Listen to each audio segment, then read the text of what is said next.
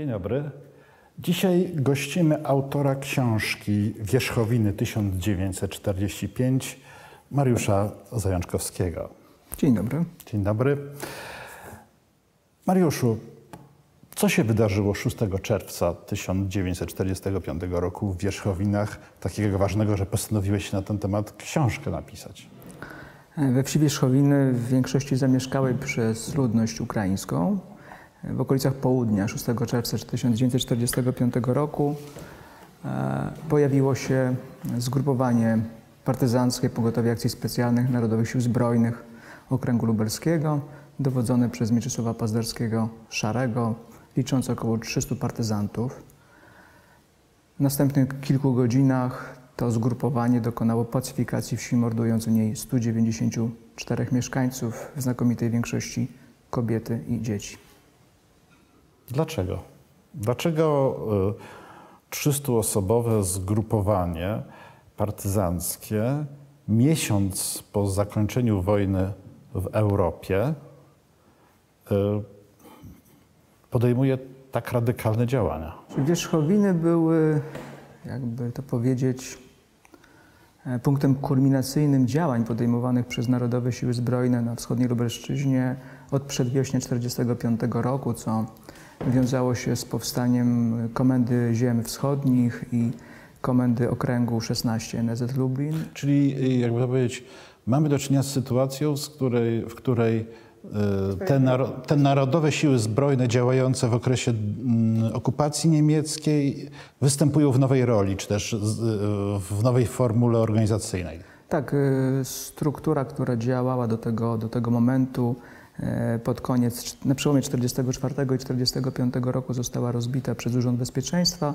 W lutym, pod koniec lutego powstaje, czy tam w lutym powstaje struktura polityczna i wojskowa, która rości sobie pretensje nie tylko do mm, działania na terenie województwa lubelskiego, ale także w obszarze województwa rzeszowskiego i w jakimś sensie też na Białostocczyźnie. Czyli jakby gdybyśmy wzięli taką wielką mapę, prawda, to mamy sytuację, kiedy Narodowe Siły Zbrojne tuż przed Powstaniem Warszawskim wchodzą do Armii Krajowej, przynajmniej formalnie, lekko się z nimi łączą, ale bardziej na zasadzie no, tymczasowej, niegłębokiego wejścia i w drugiej połowie 1944 roku jakby odklejają się od Armii Krajowej. Tak, odklejają się, a ta struktura jest jeszcze mieszanką.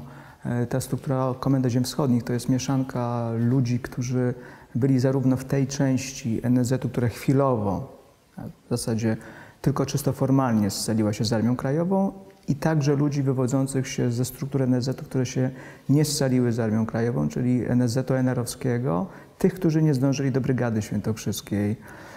Dlaczego Komenda Ziem Wschodnich? Bowiem cały czas na ziemiach obecnej Polski toczą się działania wojenne i w zasadzie ta komenda obejmuje obszar do Wisły. Czy to jest logiczne? Bo tak, te tereny, które są opanowane przez Armię Czerwoną, na której tereny Polski, które zostały zajęte przez Armię Czerwoną w lipcu 1944 roku do rozpoczęcia ofensywy styczniowej, one weszły w zasadzie w orbitę zainteresowań Komendy Ziem Wschodnich, która w tym czasie, w lutym, nie miała jeszcze styczności, nie miała chyba, zerwał się kontakt z komendą główną. I co ważne, to zdaje się jest po styczniowym rozwiązaniu Armii Krajowej, więc może się wydawać, że tam jest próżnia organizacyjna i jakby teraz nowy rodzaj podziemia będzie tym podziemiem najważniejszym. Tak, tak, jest, jest próżnia, ale nie do końca, bo, bo zamiast Armii Krajowej powstają struktury delegatury sił zbrojnych na kraj. I to one na Lubelszczyźnie stanowią największą siłę w podziemiu, szczególnie na przedwiośniu i wiosną 1945 roku. A struktury NZ-owskie, Komedy Ziem Wschodnich, można tak powiedzieć, rywalizują o palmę pierwszeństwa w podziemiu z podziemiem poakowskim. Okej, okay, dobra, czyli na tej mapie mamy rozwiązaną Armię Krajową, po tej Armii Krajowej podziemie poakowskie, czyli delegatura sił zbrojnych, która przyszło jakby za chwilę, za parę miesięcy później za, zamieni się w Zrzeszenie Wolność i Niezawisłość, a z drugiej strony wyrasta duże, relatywnie duże, relatywnie mocne podziemie wywodzące się z Narodowych Sił Zbrojnych i z części żołnierzy narodowych, którzy przeszli przez Armię Krajową, czy to w ramach NSZ-u, czy to w ramach Narodowej Organizacji Wojskowej, która się wcześniej scaliła z Armią Krajową, czy tak? Tak, tak można powiedzieć, że na tym, na tym obszarze pojawiają się dwie kluczowe organizacje, z tym, że delegatura sił zbrojnych była silniejsza. A teraz rzućmy na mapę Lubelszczyzny i Polski Wierzchowiny.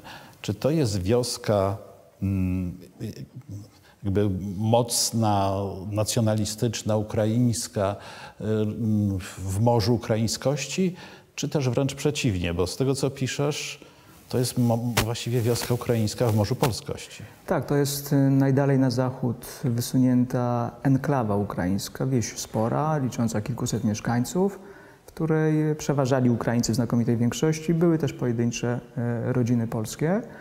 E, wioska nie mająca, e, wbrew, wbrew opiniom apologetów NSZ, nie mająca żadnego związku ze strukturami organizacji ukraińskich nacjonalistów i ukraińskiej powstańczej armii. Tam ukraińska powstańcza armia nigdy nie operowała, nigdy nie działała, nie miała swoich wpływów.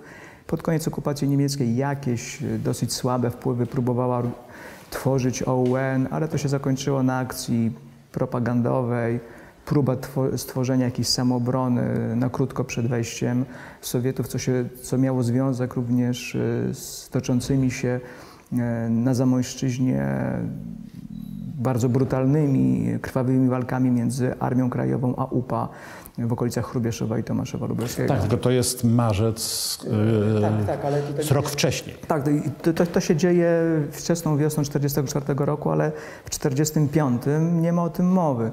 Ta wioska postrzegana jest bardziej jako, już w okresie okupacji, jako wieś sympatyzująca z ruchem lewicowym, z partyzantką komunistyczną, zarówno polską, jak i, jak i, jak i sowiecką.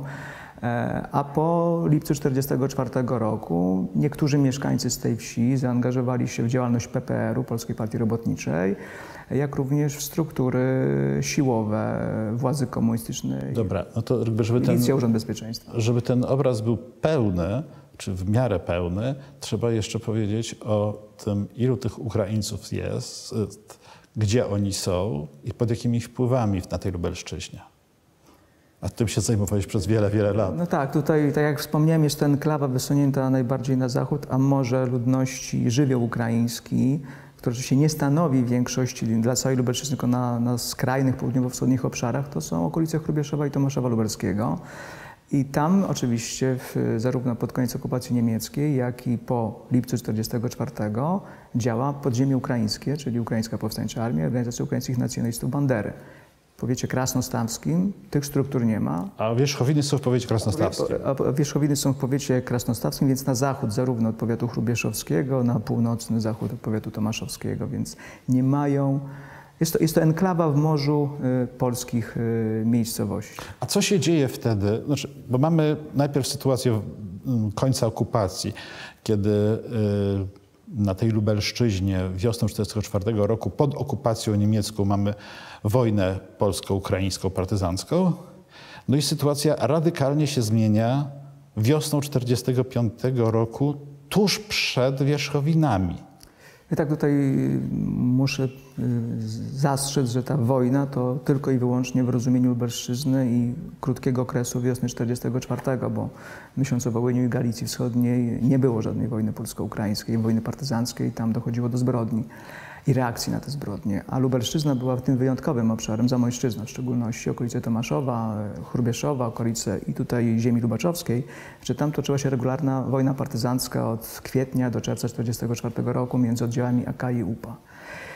I właśnie na tym obszarze, który w granicach obecnej Polski był najbardziej doświadczony konfliktem polsko-ukraińskim, gdzie ginęły tysiące cywilów po jednej i po drugiej stronie, ze wskazaniem, że więcej zginęło na tym obszarze cywilów ukraińskich, Jesień, już jesienią 1944 roku, w obliczu nowej sytuacji geopolitycznej, w obliczu e, zajęcia zachodniej Ukrainy i wschodniej Polski w rozumianych dzisiejszych granicach przez Armię Czerwoną i instalowania władzy komunistycznej, zarówno podziemie akowskie jeszcze wtedy i podziemie banderowskie, ich przywódcy na, na szczeblu centralnym w podziemiu banderowskim, na szczeblu lokalnym lubelskim e, w podziemiu akowskim, dochodzą do wniosku, że dalsza walka nie ma sensu, tym bardziej, że ludność polska i ukraińska jest zmęczona konfliktem, zmęczona ponoszonymi ofiarami i w obliczu nowego wroga, którym są Sowieci i komuniści polscy, należy zawrzeć rozejm. E, oczywiście nie ustalamy żadnych granic, tak? jest status quo, które zostało wytyczone wiosną 1944 roku w toku walk polsko-ukraińskich, ale w tym momencie zawieramy rozejm na płaszczyźnie wojskowej, propagandowej, wywiadowczej i naszym głównym wspólnym wrogiem są komuniści I to jest maj 40. To jest e, wczesne, rozmowy, rozmowy toczą się już wczesną wiosną. Zawarte porozumienie zostało 21 maja 1945 roku. Czyli tak, e, że spróbuję to sobie narysować. Jeśli coś, e, jakiś błąd popełnię, proszę popraw. Polacy mówią, w obecności komunistów i armii sowieckiej nie ma co więcej, nie ma sensu dalej walczyć z Ukraińcami. Trzeba tutaj zawrzeć pokój. Ukraińcy mówią, wobec wroga numer jeden, jakim są komuniści, trzeba e, zawrzeć z Polakami pokój. Podziemie Narodowe mówi, wobec wroga, jakim są Sowieci, należy rozpocząć wojnę z Ukraińcami. Można w sumie tak powiedzieć, e, bowiem zarówno dla podziemia kowskiego i nezetowskiego Sowieci byli wrogiem. Ale e, w przeciwieństwie do podziemia pałakowskiego Ukraińców e, podziemie nacjonalistyczne traktowało jako środowisko albo nacjonalistyczne, albo skomunizowane, w tym drugim przypadku sprzyjające władzy. Znaczy, a to się trochę wyklucza, bo albo nacjonalistyczne, albo skomunizowane. Znaczy właśnie, tu jest problem z wierzchowinami, że w narracji, która miała usprawiedliwiać dokonaną zbrodnię, e, podziemie nacjonalistyczne prezentuje zarówno argumenty, że spacyfikowaliśmy tę wieś, bo byli to zarówno komuniści, jak i nacjonaliści. Okej, okay, czyli w języku y, Narodowych Sił Zbrojnych, czy też Ruchu Narodowego na Lubelszczyźnie, Ukraińcy są jednocześnie nacjonalistami i komunistami. Są wrogiem, są społecznością, która nie, nie powinna żyć na obszarach e, niepodległej w rozumieniu NSZ-u Polski. Dobra, ale skoro komuniści e, w tej perspektywie są przeciwnikiem numer jeden, to po co otwierać drugi front? No to jest e, pytanie o tyle ciekawe, że Narodowe Siły Zbrojne doskonale zdawały sobie sprawę i były poinformowane przez podziemie połakowskie o zawartym porozumieniu i mimo to po trzech tygodniach od zawarcia tego porozumienia dokonały takiej zbrodni. A czy to nie było przeciwko temu porozumieniu? Znaczy jak najbardziej. E, nawet e, zachował się dokument e, Stronnictwa Narodowego, który, który dowodzi, że sprawcami zbrodni w Wierzchowinach były NSZ i jednym z argumentów, który tam pada, była taka, tak, takie stwierdzenie, że Wierzchowiny były również dlatego, żeby uciąć spekulacje o porozumieniu polsko-ukraińskim. E, że narodowe siły zbrojne w żaden sposób z Ukraińcami się nie dogadują, są dla nas wrogiem, a jednocześnie robią wszystko, żeby w trwającej wówczas za sprawą komunistów akcji wysiedleńczej ludności ukraińskiej z Polski na Ukrainę sowiecką e, nakłonić w taki brutalny sposób e, Ukraińców do wyjazdu. Czyli tutaj jeszcze ten jeden element, o którym do tej pory nie mówiliśmy. W tym samym czasie, oprócz jakby sytuacji w polskim podziemiu, tych dwóch nurtów, oprócz komunistów, oprócz ukraińskiej powstańczej armii, mamy jeszcze akcję e, przesiedlania ludności z terenów e, tzw. Tak pojałtańskiej Polski do e, Związku Radzieckiego w jego nowych granicach. No tak, to mamy do czynienia z polityką narodowościową PKWN-u i komunistów polskich uzgodnioną z Moskwą i z, z Kijowem tworzenia republik narodowych czyst, w, w, miarę czystych etnicznie i państw w miarę czystych etnicznie. Już we wrześniu 1944 roku e, zawarto porozumienie o tzw. Tak wymianie ludności między PKWN-em a Republiką Białoruską i Republiką Ukraińską wchodzącą w skład Związku Radzieckiego. E, I na, na zasadzie dobrowolnej, tak zakładano, z Polski... Ta dobrowolność była czysto teoretyczna. To, to tylko na papierze, bo na zasadzie dobrowolnej e, zakładano, że Białorusini i, i, Ukraińcy ochoczo wyjadą na teren białoruski Polskiej, Ukraińskiej Socjalistycznej Republiki Radzieckiej, a stamtąd przyjadą y, Polacy bądź obywatele drugiej... I wierzchowiny miały być wysiedlone. I wierzchowiny były wysiedlane już od jesieni 1944 roku, bo do 6 czerwca z wierzchowin wyjechało 100 rodzin ukraińskich na Ukrainę sowiecką i następna grupa, następna grupa wyjechała tych, którzy ocaleli po zbrodni.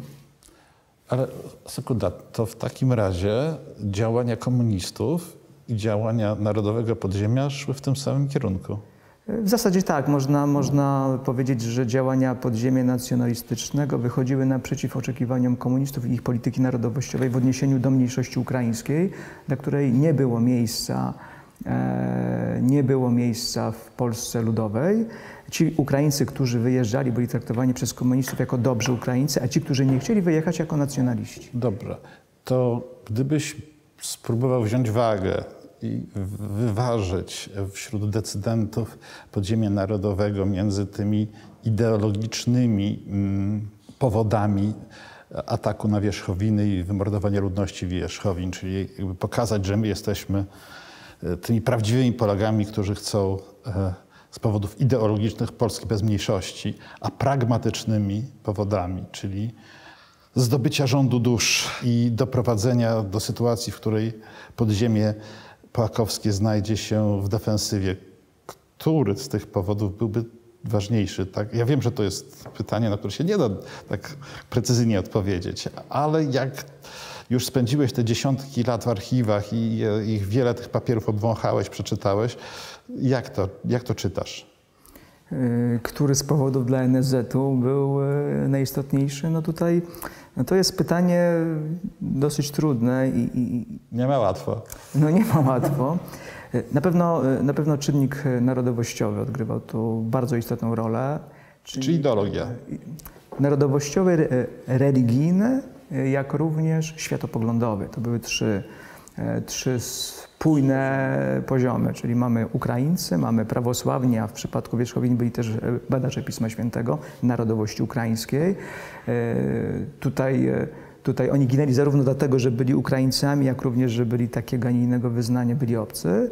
No i mamy światopogląd, bowiem uznawano zarówno mieszkańców wierzchowin za ukraińskich nacjonalistów w narracji propagandowej NSZ-u, jak i za sympatyzujących z władzą polskich komunistów nielojalnych wobec przedwojennego państwa polskiego, a lojalnych wobec komunistycznej Polski e, mieszkańców. Zresztą jeszcze jest istotna, istotna zmienna mówiąca o tym, że dla podziemia nacjonalistycznego nie istniał naród ukraiński jako odrębny naród. E, nacjonaliści polscy nie uznawali Ukraińców za coś odrębnego. Kto to był? E, to byli Polacy, którzy jeszcze o tym nie wiedzieli, że byli Polakami. Polacy o innym wyznaniu prawosławnym, którym trzeba było albo uświadomić, że są Polakami. Jak się nie dało tego uświadomić e, w różne sposoby, e, to należało się ich pozbyć z obszaru Wielkiej Polski katolickiej. Czyli tak zwani Rusini, którzy są wyłącznie tak, grupą wyznaniową, ich... taką masą, z którą coś tam można, z której można coś w przyszłości ulepić. Białorusinów i Ukraińców traktowano jako mniejszości słowiańskie, ale nie, nie, nie, nie używano terminu Białorusin czy Ukrainiec, bo on nie istniał. I, I, w tym sensie podziemie nacjonalistyczne wychodziło naprzeciw e, takiej narracji imperialistycznej rosyjskiej, bowiem Rosjanie również nie uważali Białorusinów i Ukraińców, e, nie używali tych nazw, nazywali ich w przypadku Ukraińców używali terminu Małorusini. Znaczy mówimy o imperialnej Rosji tak. i nacjonalistach ukraińskich, komuniści, rosyjskich. Ale Sowieci też, też mieli podglebie nacjonalistyczne mimo wszystko. Natomiast tworzyli te e, e, no, republiki białoruską i ukraińską, tak, świadomie grając, e, ale jak weźmiemy dzisiejszy język Putina, no to on jest w sumie odwołaniem się wprost do do języka Rosji. Mówi o wielkiej, e, o wielkiej Rusi i mówi o młodszych. E, mało Rosjanach, mało Rosji, prawda? Bądź starszych e, społecznościach Rusinów, gdzie Rosjanie są tymi najważniejszymi, a Białorusini i Ukraińcy takimi młodszymi braćmi, powiedzmy. Ale w ramach wielkiej rodziny. Tak, w ramach wielkiej słowiańskiej rodziny i takiego terminu o mniejszościach słowiańskich również mówili ludzie z SN-u, z ONR-u, z NSZ-u. Wróćmy jednak do, tej, do Wierzchowin, do okolic Wierzchowin. Ja pamiętam moje rozmowy ze Stanisławem Książkiem, który był jedną z osób zawierających porozumienia z UPA, który opowiadał po pierwsze, że podróż przez ten teren Chełmszczyzny, e, przez tą Zamojszczyznę, to był teren przez podróż przez spalone ziemię. To jest pierwsza rzecz. A druga rzecz, opowiadał, że e, Armia Krajowa, a właściwie to, co e, pozostało po Armii Krajowej, czyli delegatura sił zbrojnych, to, co powstało po rozwiązaniu Armii Krajowej, działała w dużym stopniu z powodu nacisku ludności lokalnej. E, to prawda, że, że obszar Zamojszczyzny i terenu powiatu lubaczowskiego, którymi objęto porozumienia, 1945 roku był najbardziej doświadczony, jak wspomniałem, wiosną 1944 roku konfliktem polsko-ukraińskim e, i ten front, który się utworzył, regularna linia frontu na długości około 150 km od Grabowca po, e, po Uchnów, e, Cieszanów, Narol, była oddzielona, pozycje UPA i AK były oddzielone pasem ziemi niczyjej, pasem ziemi wypalonej, zniszczonych kilkudziesięciu, nawet, ponad setki miejscowości, które były do tego czasu zamieszkane przez zarówno Polaków, jak i Ukraińców, w zależności w jednej było więcej Polaków, w innej było więcej Ukraińców. E, miejscowości wypalone, ludność wymordowana, bowiem trzeba pamiętać, że wiosną 1944 roku na Zamojszczyźnie e, w, w, toku, e, w toku walk między podziemiami popełniono liczne zbrodnie na ludności cywilnej. Szacuje się, że zginęło około, około 4,5 tysiąca, może nawet więcej cywilów polskich i ukraińskich. Jest tutaj takim... Tak, symbolem jest, jest Sachryn, po, po drugiej stronie... Natomiast dlaczego strona jakby nie, nie, bez przyczyny powołałem się na książkę, rozmawiałem również z Gołębiewskim, Marianem, który był, jed, który był tak naprawdę dowódcą frontu na tamtym e, e, terenie i zawierał przecież potem te, te porozumienia e, z Ukraińcami. Jakby co powodowało oprócz nacisku oddolnej, oddolnej ludności stroną akowską, że ona chciała tych porozumień, i, i, i do nich dążyła. Znaczy przede wszystkim chodziło, i ten nacisk ludności był tutaj chyba najistotniejszy z punktu widzenia lokalnych dowódców, bowiem chodziło o zaprzestanie zabijania cywilów y, i terroru wobec y, cywilów strony przeciwnej. Czyli pragmatyka pragmatyka, ale też oszczędzanie ludności. Ta ludność była oparciem dla podziemia, tak? więc y, trzeba ją było w jakiś sposób y, chronić i była zmęczona nie tylko trwającą przez wiele lat wojną, okupacją niemiecką, ale w ramach tej okupacji, szczególnie pod koniec, y, bardzo krwawym konfliktem wewnętrznym. Natomiast jak ja sobie przypominam, ja wiem, że wracam do jakichś takich y, źródeł y, wywołanych, czyli osób, które brały w tym udział bezpośredni, no to Gołębie, Gołębiewski, Marian Gołębiewski, później zresztą człowiek bardzo ważny dla opozycji antykomunistycznej, e, choć walczył z tymi Ukraińcami krwawo, to on nigdy nie miał wątpliwości, czy istnieje naród ukraiński. To jest, e, to, to jest ciekawe i to prawda i tutaj trzeba zwrócić uwagę, że człowiek, który E, inicjował e, porozumienia polsko-ukraińskie na Lubelszczyźnie i powiecie lubaczowskim, którym był Marian Gołębiewski e, Irka. Wiosną 1944 roku odpowiadał za terror wobec ludności ukraińskiej, między innymi w Sachryniu. I to jest ciekawe, że miał świadomość i, i, i, że istnieje naród ukraiński, a jednocześnie po zawarciu porozumienia z Ukraińcami bardzo miał wrogi stosunek do NSZ-u, który to porozumienie próbował torpedować działaniami wymierzonymi w ludność ukraińską. I nawet doszło e, raz bądź dwa do spotkania e, Mariana Gołębiewskiego z szefem sztabu Komendy Ziem Wschodnich, w której wyraźnie dał do zrozumienia oficerowi e, NSZ, że nie życzy sobie rabunków na szkodę ludności ukraińskiej, napadów i zabójstw ludności ukraińskiej na terenach kontrolowanych przez podziemie połakowskie, ponieważ będą te oddziały traktowane jako bandyckie.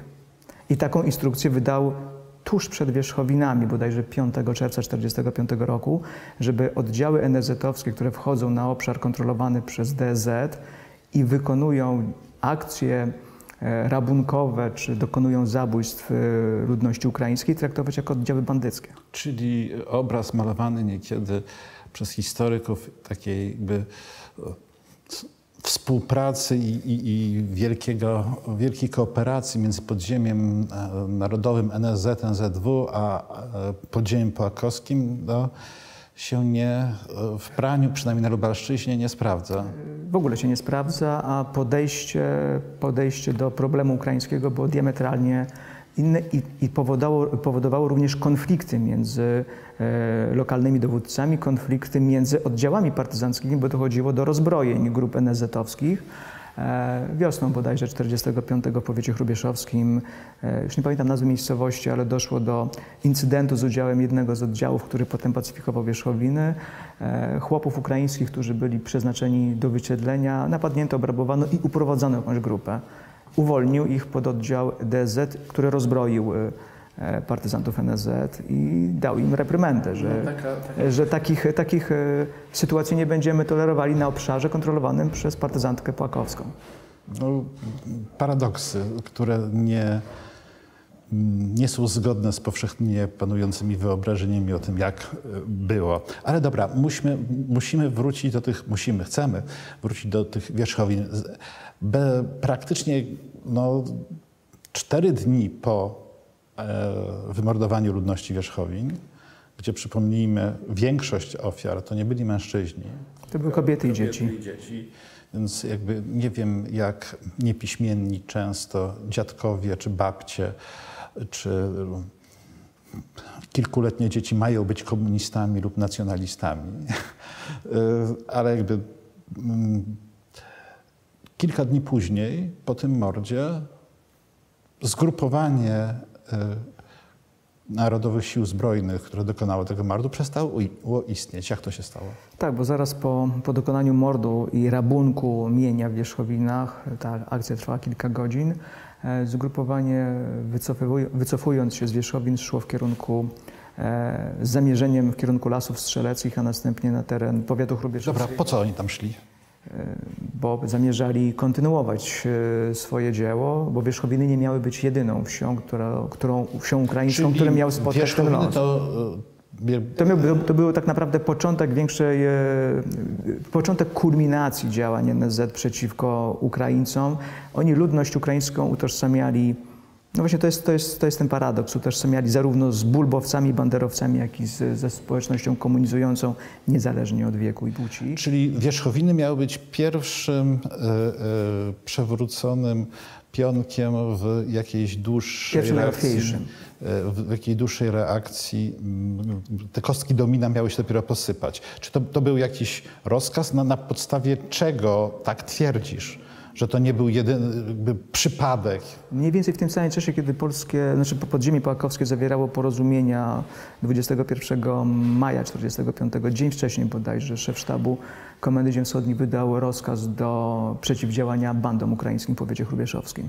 E, w rozumieniu e, nie doprecyzowano, czym są te bandy. Zakładam, że chodziło o UPA, ale atak na wierzchowiny bynajmniej nie wskazywał, że celem tej walki będą, będzie partyzantka ukraińska. Czy wielokrotnie w Twojej książce pada nazwa akcja za Bugiem. O co chodzi? Taki termin pojawił się w dokumentach, e, w raportach e, chociażby Szarego, dowódcy zgrupowania NZ jeszcze z okresu poprzedzającego akcję na Wierzchowiny. Odnoszę wrażenie, że akcją za Bugiem uznano działania wymierzone w ludność ukraińską po tej stronie Bugu, zmierzające do tego, żeby ta ludność ukraińska częściowo została została zastraszona, częściowo wymordowana i zmuszona do do odejścia, do wyjazdu, do ucieczki za Bóg. Jak rozumiem, nie mówimy tutaj o dokumencie, o rozkazie, który mamy, tylko którego odbicie znajdujemy w, w raportach oddolnych, w sprawozdaniach. E... Czyli czy nie mamy tego rozkazu numer jeden, mamy tylko odbicia w dokumentacji niższej reakcji na rozkaz numer jeden, tak zwany. Jak pisałem, e... nie ma rozkazu w przypadku Wołynia nie ma rozkazu, nie znamy rozkazu numer jeden, a znamy szereg e, raportów i dokumentów szczebla oddolnego i, i średniego, które odwoływały się do jakiegoś rozkazu. Czyli jakby e, używasz e, do udowodnienia istnienia zamysłu wymordowania większej ilości wiosek ukraińskich tej samej metody, jaką, jaką polscy historycy używają, by pokazać, że UPA rzeczywiście zaplanowało antypolską akcję UPA. Znaczy, tutaj oczywiście trzeba e, mieć na względzie skalę, bo NSZ nie dokonało takiej zbrodni jak Jakupa. I mówię tylko o metodologii badań. Tak, no nie mamy w jednym i drugim przypadku, nie mamy tego rozkazu numer jeden, mamy, roz, mamy raporty niższego szczebla odwołujące się do jakiegoś głównego rozkazu, e, którego treści też do końca nie znamy, ale kiedy w raportach pisano o za, zabójstwach e, ludności ukraińskiej czy, czy żydowskiej, no to można się domyślać, czego te instrukcje dotyczyły. Okej, okay, rozumiem, ale wróćmy do o, o, wydarzeń, bo mamy ten mord wierzchowiński i nie doszliśmy jeszcze do tego, co się stało z, ze zgrupowaniem Szarego. Nie doszliśmy, bo bowiem zgrupowanie się wycofało. Doszło do, do pierwszej walki z grupą pościgową, grupą operacyjną UB i Wojska Polskiego pod Kasiłanem, z, z, pododdziałami wojsk wewnętrznych NKWD, które zostały poinformowane e, o, o, o czymś, co się wydarzyło w Wierzchowinach i przyjechały na miejsce i stwierdziły, co tam, co tam zaszło i, i natknęły się na, na e, e, tyły zgrupowania, które wycofywało się z dużym dobytkiem zrabowanym e, z Wierzchowin. Doszło do starcia pod Kasiłanem. Następnie w godzinach wieczornych to zgrupowanie oderwało się od pościgu i zmierzało, zmierzało w stronę miejscowości Huta koło Wojsławic na pograniczu powiatu chrubieszowskiego i chełmskiego. I tam też stacjonowało przez dwa dni bodajże, mm, z tym całym dobytkiem, świętując y, zwycięstwo, cudzysłów, w Wierzchowinach, bowiem w trakcie akcji na Wierzchowiny mm, zdobyto dużą, dużą ilość spirytusów miejscowej gorzelni. Ten spirytus potem, jak y, nawet czytamy w dokumentach lokalnego kierownictwa mm, NZ z powiatu chełmskiego, lał się strumieniami w hucie. E, i w tej hucie za sprawą oddziałów rozpoznawczych, być może też jakieś grupy podszywającej się pod e, oddział, oddział podziemia antykomunistycznego, która została stworzona po wierzchowinach, a nie przed i do e, przeprowadzania prowokacji. Ja w dokumentach NKWD sprawdzałem i nie znalazłem niczego takiego. W dokumentach UB jest tylko informacja, że taką grupę jedną sformowano tuż po zbrodni w Wierzchowinach w celu pościgu i wytropienia zgrupowania, które się oderwało od pościgu. E, swoją drogą też jakieś grupy zwiadowcze tworzyły oddziały wojsk wewnętrznych NKWD i koniec końców mm, namierzono dosyć łatwo to, to zgrupowanie, gdyż nie zachowało zasad konspiracji. W dużym skupisku przez, przez dłuższy czas przebywało w jednym miejscu.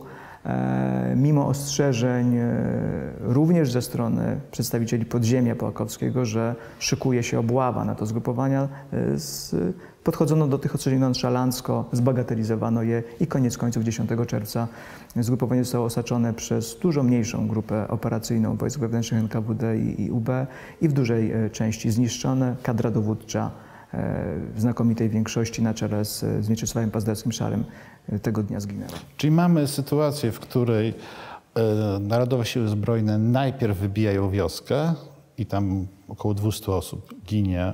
Zresztą opisy zawarte w tej książce są absolutnie wstrząsające. Nie przywołuję żeby nie, nie epatować. A e, cztery dni później no, większość, zdaje się, sprawców ginie. No, z dokumentów sowieckich i Urzędu Bezpieczeństwa wiemy, że zginęło wówczas e, około 160, ponad 160 e, partyzantów e, i jakaś grupa cywilów, mieszkańców Huty, którzy bynajmniej nie byli związani z podziemiem NZ-owskim. Była to miejscowość, która w okresie okupacji niemieckiej sprzyjała Bechowcom. A oni ucierpieli w trakcie akcji pacyfikacyjnej tylko za to, że, że w tym miejscu znaleźli się. Biorąc pod uwagę, że, że 300 E, osób miało zgrupowanie, 160 to nieco... Ponad, poło ponad połowa zgrupowania.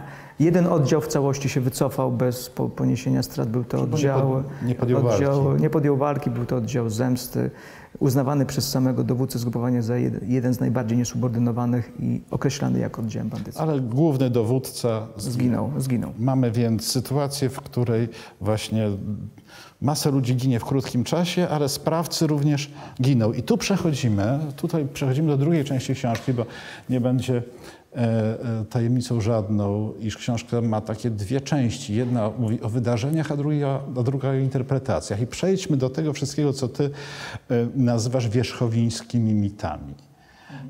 Ja pamiętam dobrze, bo wtedy się zaczynałem mocno interesować historią na początku lat 90. Właściwie interesowałem się już bardzo mocno, ale e, wtedy się zainteresowałem wierzchowinami. Był taki program Baliszewskiego, Rewizja Specjalna. On był powszechnie oglądany. Rewizja nadzwyczajna. Nadzwyczajna, rewizja nadzwyczajna, dziękuję za poprawienie. E, I w tymże programie wystąpiło szereg historyków, świadków historii. Z e, efektem tego programu było moje wówczas przekonanie, że wierzchowiny wcale nie zostały wymordowane przez NSZ, tylko mamy do czynienia z jakąś wielką e, komunistyczną mistyfikacją, którą trzeba odczarować. E, Tak, były bodajże dwa programy e, Dariusza Baliszewskiego jego rewizji nadzwyczajnej poświęcone NSZ-owi, w tym również Wierzchowinom. Pierwszy bodajże w 1991 roku, drugi nieco później, w czwartym, może nieco wcześniej. E, I w tym pierwszym, pamiętam, występował ówczesny prezes e, Związku Żołnierzy NSZ, e, Bogdan Szucki, kombatant Narodowych Sił Zbrojnych, e, nie działający, znaczy działający na Lubelszczyźnie, ale w okresach Kraśnika Janowa Lubelskiego i był również badacz, do dzisiaj jest znany z, z, z badania przede wszystkim podziemia nacjonalistycznego, w zasadzie apologeta tego podziemia, Leszek Żebrowski. E, wówczas na pytanie historyka Cezarego Chlebowskiego o to, czym były wierzchowiny, e, bowiem trzeba tutaj powiedzieć, że tam zginęło prawie 200 osób cywilnych, kobiety, dzieci. To nie można nad tym tematem przejść do porządku dziennego. Bogdan Szucki, prezes Związku Żołnierzy NZ, przyznał, że to było dzieło Narodowych Sił Zbrojnych. Leszek Żebrowski, czołowy dzisiejszy apologeta NZ, nie zaprzeczył. Ale już jakiś czas później e, w kolejnym programie ta narracja się zmieniła, że nie NSZ, tylko grupa prowokacyjna, że była agentura, Czy ja pamiętam, że to, że to ważny- komunist- komunistyczna mistyfikacja. że wa- ważnym argumentem na rzecz mis- mistyfikacji było to, że w czasie procesu wierzchowińskiego praktycznie nie skazywano osób, e, które brały udział w tym. I to nie jest prawda. To jest, to jest, e, to jest chyba jeden z podstawowych mitów założycielskich, bo, bowiem No i właśnie, do, te mity założycielskie. e, to wynika z, z, z, z pewnej publikacji, która e, pojawiła się w obiegu pod koniec lat 80. Marii Turlejskiej, która jako pierwsza ukuła hipotezę o tym, że na podstawie tylko i wyłącznie prasy e, komunistycznej z okresu procesu wierzchowińskiego, bo ten proces był e, komentowany w prasie ogólnopolskiej i lokalnej. Maria Turlejska była historykiem absolutnie w tamtym czasie już opozycyjnym, ale wcześniej, Ale wcześniej była absolutnie komunistyczną Więc to, to, jest, to, jest, to jest też bardzo ciekawe, że, że, że Maria Turlejska, która e, była jakby takim czołowym nazwiskiem historyków, którzy robili e, wiele, aby udowodnić e, tezy o utrwalaniu władzy ludowej, o wkładzie komunistów i walkę z, z reakcyjnym podziemiem. E, W pewnym momencie przyszła na, na stronę e, opozycji w latach 70., 80. i właśnie stwierdziła, że ten, to był pierwszy polityczny e, proces w Polsce Ludowej. Sądzeni nie mieli związku z, z, tym, z tą zbrodnią oprócz jednego żyjącego wówczas dowódcy oddziału partyzanckiego Romana Jaroszyńskiego.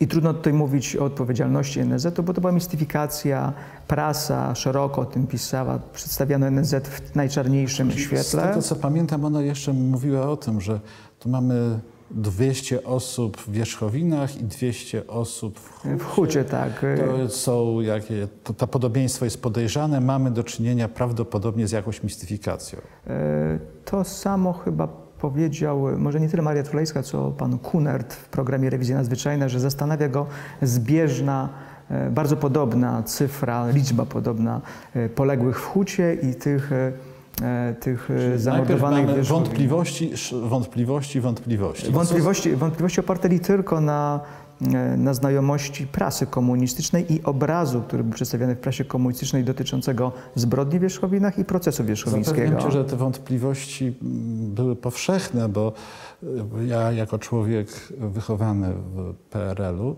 y, i jako przekonany antykomunista również byłem przekonany o tym, że jeżeli komuniści coś mówią, to jest na pewno nieprawda.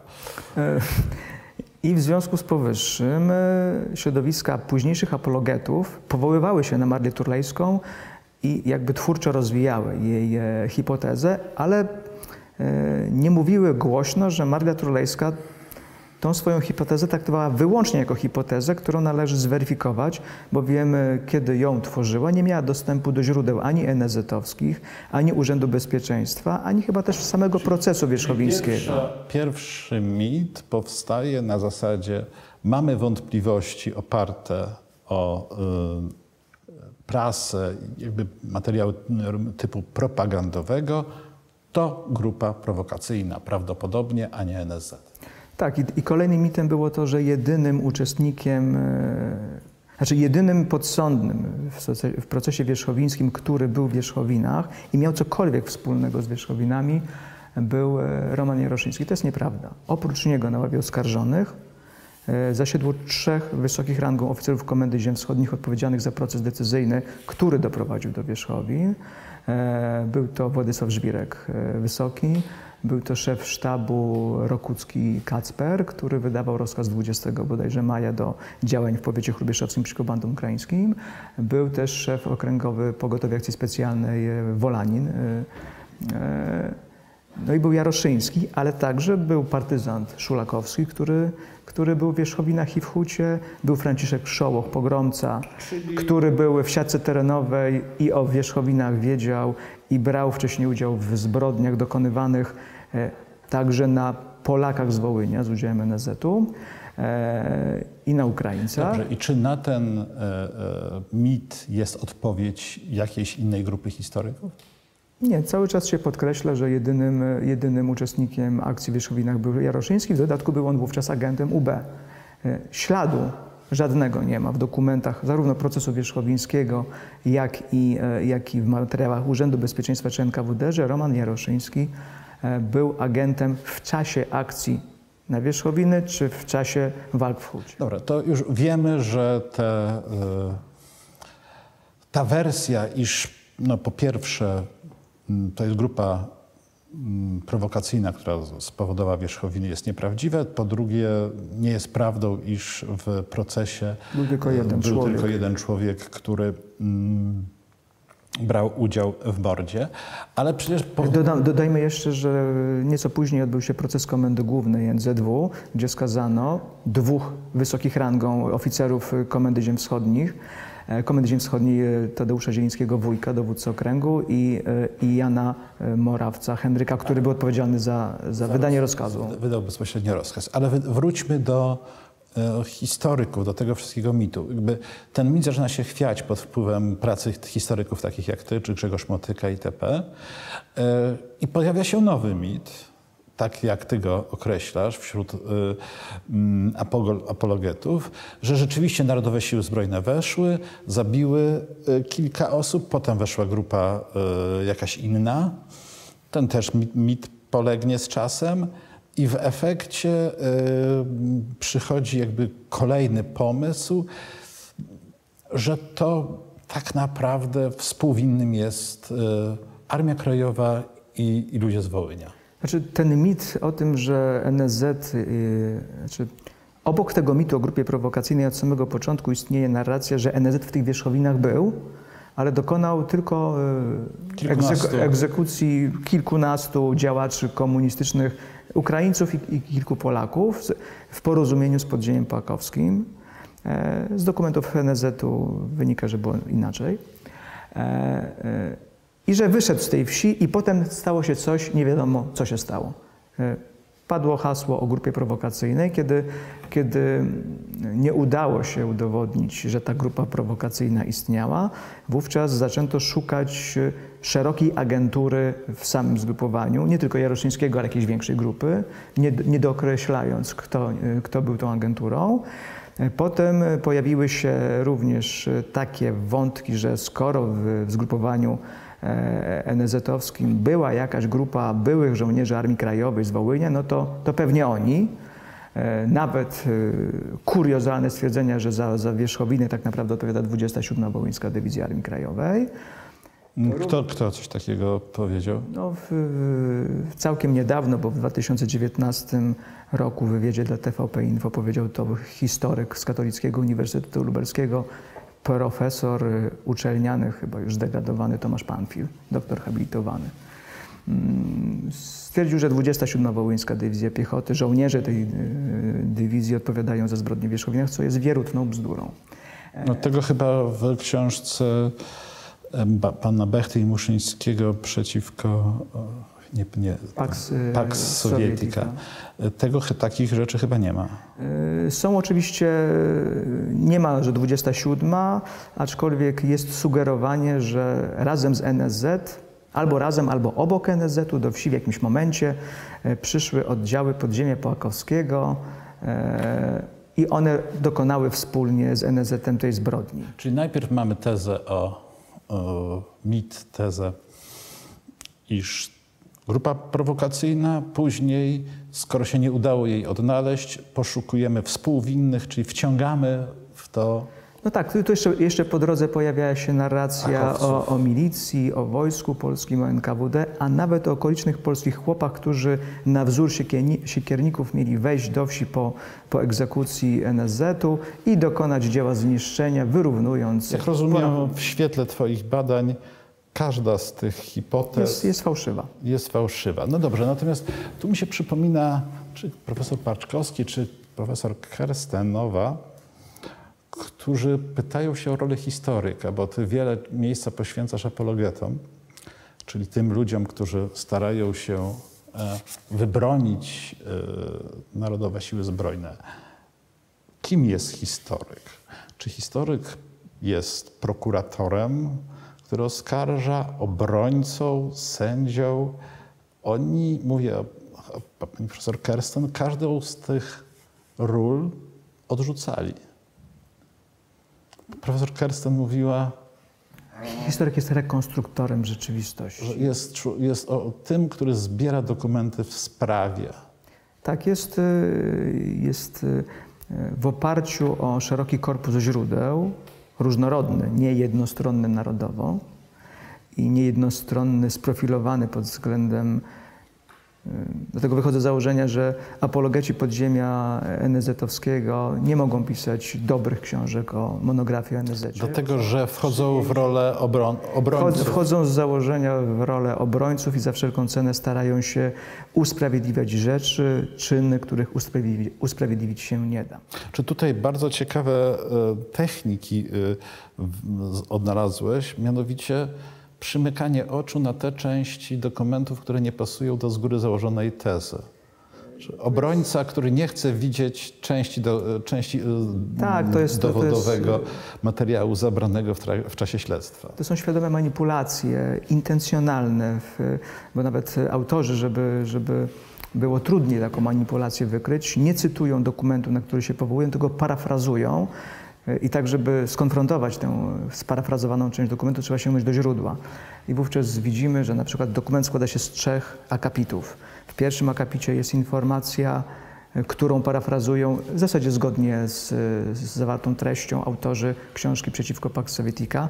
W drugim akapicie jest informacja, która nie pasuje do z góry założonej tezy, bo jest informacją, że wierzchowiny to dobra robota e, NSZ-u i e, oficerowie Komendy Okręgu Lublin Komendy Ziem Wschodnich są zadowoleni, że duży szum, duży, duży szum będzie z tej akcji, bo do, dobrze tam się sprawili NSZ-owcy i w tym momencie autorzy zamykają oczy, nie widzą tego fragmentu i pa, parafrazują trzeci akapit, na który już otwierają oczy, który dotyczy sytuacji, sytuacji e, e, poszukiwania kontaktu ze zgrupowaniem NSZ-u i wyciągają wniosek, że dowódcy okręgu e, NSZ Lublin i Komendy Ziem Wschodnich nie mieli pojęcia, co się działo ze zgrupowaniem Szarego, e, mimo że był ten akapit mówiący, że w czasie rozmowy oficerów padło hasło, że wierzchowiny to my i że to dobra robota i będzie z tego szum. Dodaję mi do tego, że sama prasa e, Tak, prasa. Pra, i, I dodajmy do tego, że sama prasa NZ-owska w postaci Szczepca przyznawała się do, chwaliła się. chwaliła się tą i zapowiadała, że to jedna z, z wielu tego typu akcji, nie, nie, nie pierwsza, nie jedyna, nie ostatnia. E, Również e, sprawstwo zbrodni e, dokonanej przez NSZ potwierdzały dokumenty Stronnictwa Narodowego. Jest taki dokument e, pod tytułem Obrońcy E, obrońcy wrogów z 18 czerwca 1945 roku, wydany w periodyku Walka SN, w którym otwarcie jest napisane, że za wierzchowinę odpowiadają Narodowe Siły Zbrojne i nawet jest tam mowa, dlaczego do tej zbrodni doszło. No i jak rozumiem, ten materiał jest niedostrzegany przez e, tych, których ty nazywasz apologetami. Powiem więcej, e, spotkałem się z kuriozalnym stwierdzeniem jednego z, z owych apologetów, że materiał w Szczercu był e, powodowany jakby mm, przyswojeniem przez autorów tego materiału ze Szczerbca propagandy komunistycznej. Tak w nią zawierzyli, że po prostu na karty Szczerbca przepisali to, co prasa komunistyczna pisała Wierzchowina. Więc y, byli jakby pod wpływem komunistycznej propagandy. Kierownictwo, reda, redakcja. Kierownictwo propagandy Narodowych Sił Zbrojnych było pod wpływem... była pod wpływem propagandy komunistycznej i uwierzyła w to, co kom, propaganda komunistyczna pisała, nie mając kontaktu, y, nie mając kontaktu i wiedzy na temat losu zgrupowania, ponieważ jak autorzy parafrazować. Uwierzyli, tryb, uwierzyli trybunie ludu. Po prostu ci uwierzyli trybunie ludu, znaczy nie, nie trybunie, tylko sztandarowi ludu i, i, i, głosowi ludu, a autorzy zamknęli oczy na moment rozmowy oficerów o zbrodni Wierzchowina. Czas nam ucieka, a ja chciałbym jeszcze o wiele rzeczy zapytać.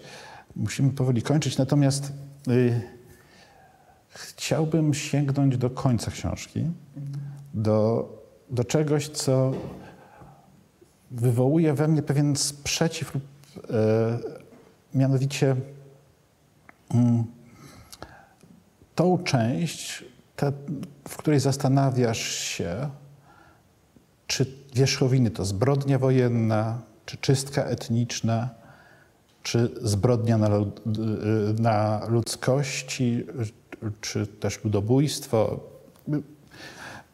Jakby merytorycznie nie mam żadnych zarzutów, bo starasz się użyć E, instrumentów prawnych do wytłumaczenia, do jakby e, określenia, co się stało w wierzchowinach z punktu widzenia prawa. Tu wyjdzie ze mnie historyk. Mm, mianowicie po co? Dlaczego, po co mamy my, historycy, wchodzić, wchodzić w buty prawników? Że tak jak na wstępie powiedzieliśmy, że tej części rozmowy, że rolą historyka jest gromadzenie materiałów i w oparciu o niego rekonstrukcja wydarzeń, e, ale wydaje mi się też, że w natłoku manipulacji i zafałszowania historii, która ma akurat w tym przypadku związek z tą konkretną zbrodnią, największą zbrodnią NSZ-u, warto nazwać sprawców po imieniu i czyn po imieniu. I, I to nie chodzi, że nawet nie chodzi o to, że historyk wchodzi w buty prawnika, bo ja nie wchodzę w buty prawnika, nie jestem, nie jestem prawnikiem, tylko na podstawie analizy i rekonstrukcji wydarzeń, e, znając definicje prawne zbrodni wojennych, zbrodni przeciwko ludzkości czy aktów ludobójstwa, uznałem, że opis, bo historyk opisuje, dla historyka jest to zbrodnia. Słowo zbrodnia jest opisem zdarzeń, zbrodnia masowa, zbrodnia. Ale w języku e, prawniczym i w metodologii prawniczej jest trochę inny warsztat, ale pokazuje, jak tę zbrodnię w ocenie prawnej można by było rozpatrywać. Nie wyrokuje, czym ona do końca była. Pisze, że była zbrodnią z punktu widzenia historyka, była na pewno zbrodnią wojenną. I to jest najłagodniejszy wyrok. Wszystko zgoda, jakby ja tutaj nie, nie wchodzę w meritum. Natomiast dla mnie e, sytuacja, w której gdzieś grupa X wymordowała 194, czy 207, czy 511 osób, to jest to, co historyk powinien robić, e, a niech się e, już inni zastanawiają, czy to jest e, zbrodnia wojenna, czy ludobójstwo, bo obawiam się, że wchodzimy tutaj w pewien taki rodzaj zawodów, kto określi mocniejszym prawnym, kto mocniejszą prawną pieczęć przyłoży do znaczy powiem, danego wydarzenia. Powiem tak, ta końcówka była swoistym wywołaniem do tablicy, do dyskusji o tym, czym były wierzchowiny. Nie o dyskusji o tym, że, że to była prowokacja ubecka, tylko o dyskusji o tym, że to była zbrodnia. I teraz zastanówmy się, dlaczego do niej doszło, i jaki miała charakter ta zbrodnia. E, tym bardziej, że dokonuje się relatywizacji tej zbrodni, tym bardziej, że e, umniejsza się liczbę ofiar, um, wybiela się sprawców zbrodni, więc e, takie stwierdzenie, mam, mam, mam nadzieję, wywoła apologetów do, do tablicy. Wywoła, wywoła dyskusję. Wywoła dyskusję, tak. Można się z tym stwierdzeniem e, zgadzać, bądź nie. Ja, ja miałem, mam co do tego wątpliwości, czy po prostu to jest potrzebne mi jako historykowi. Natomiast e, chciałbym, abyś... To, co na mnie zrobiło olbrzymie wrażenie, to sam początek tej książki. Ja pozwolę sobie przeczytać króciutki e, cytat, bo książkę zaczyna od, od, od cytatu. Cytatu z Michała Kellera, żbika, partyzanta Narodowych Sił Zbrojnych, który podczas przesłuchania mówi: Ja jestem wierzący. W roku 1947 spowiadałem się u księdza z parafii Kobylnica z tego mordu w Wierzchowinach. Rozgrzeszenie od księdza dostałem. Znam przykazania boskie. Siódme przekazanie mówi: nie zabijaj. W tym czasie można było tego przykazania nie dotrzymywać, bo to były wyjątkowe okoliczności. I zresztą nawet ksiądz mnie z tego rozgrzeszył, a więc nic przeciwko wierze i Bogu nie robiłem. Co było w głowach tych ludzi? Znaczy, kiedy znalazłem ten fragment, którego nie znaleźli apologeci, przeglądając te same akta, e, Michała Kellera, było trzech braci Kellerów, którzy brali udział w zbrodni w Wierzchowinach, to byli ludzie pochodzący z Wołynia. Ale kiedy dokonywali zbrodni, byli partyzantami NSZ-u, mimo że pochodzili z Wołynia, mieli również na rękach krew Polaków z Wołynia, uciekinierów Przedupa, zanim doszło do Wierzchowin. W kwietniu 1945 roku zabijali w celach rabunkowych e, Wołyniaków pod hełmem.